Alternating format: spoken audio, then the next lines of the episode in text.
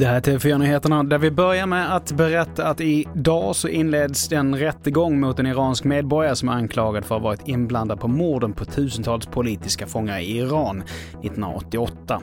Det är den första gången som någon ställs till svars i nationell domstol för det och ett av de största internationella brottmålen i Sveriges historia. Sammanlagt bedöms Iran ha mördat ungefär 5 000 politiska fångar sommaren 1988. 60-åringen ska ha jobbat på ett av fängelserna och varit med och torterat och valt ut över 100 som mördats. Och reporter här var Magnus Wennerberg och mer om det här kan du hitta på tv4.se. Och vi fortsätter med att enligt mäklarstatistik så var priset på bostadsrätter oförändrat under juli månad jämfört med förra året. Och villorna, de ökade bara något och det var framförallt utanför storstäderna, skriver TT.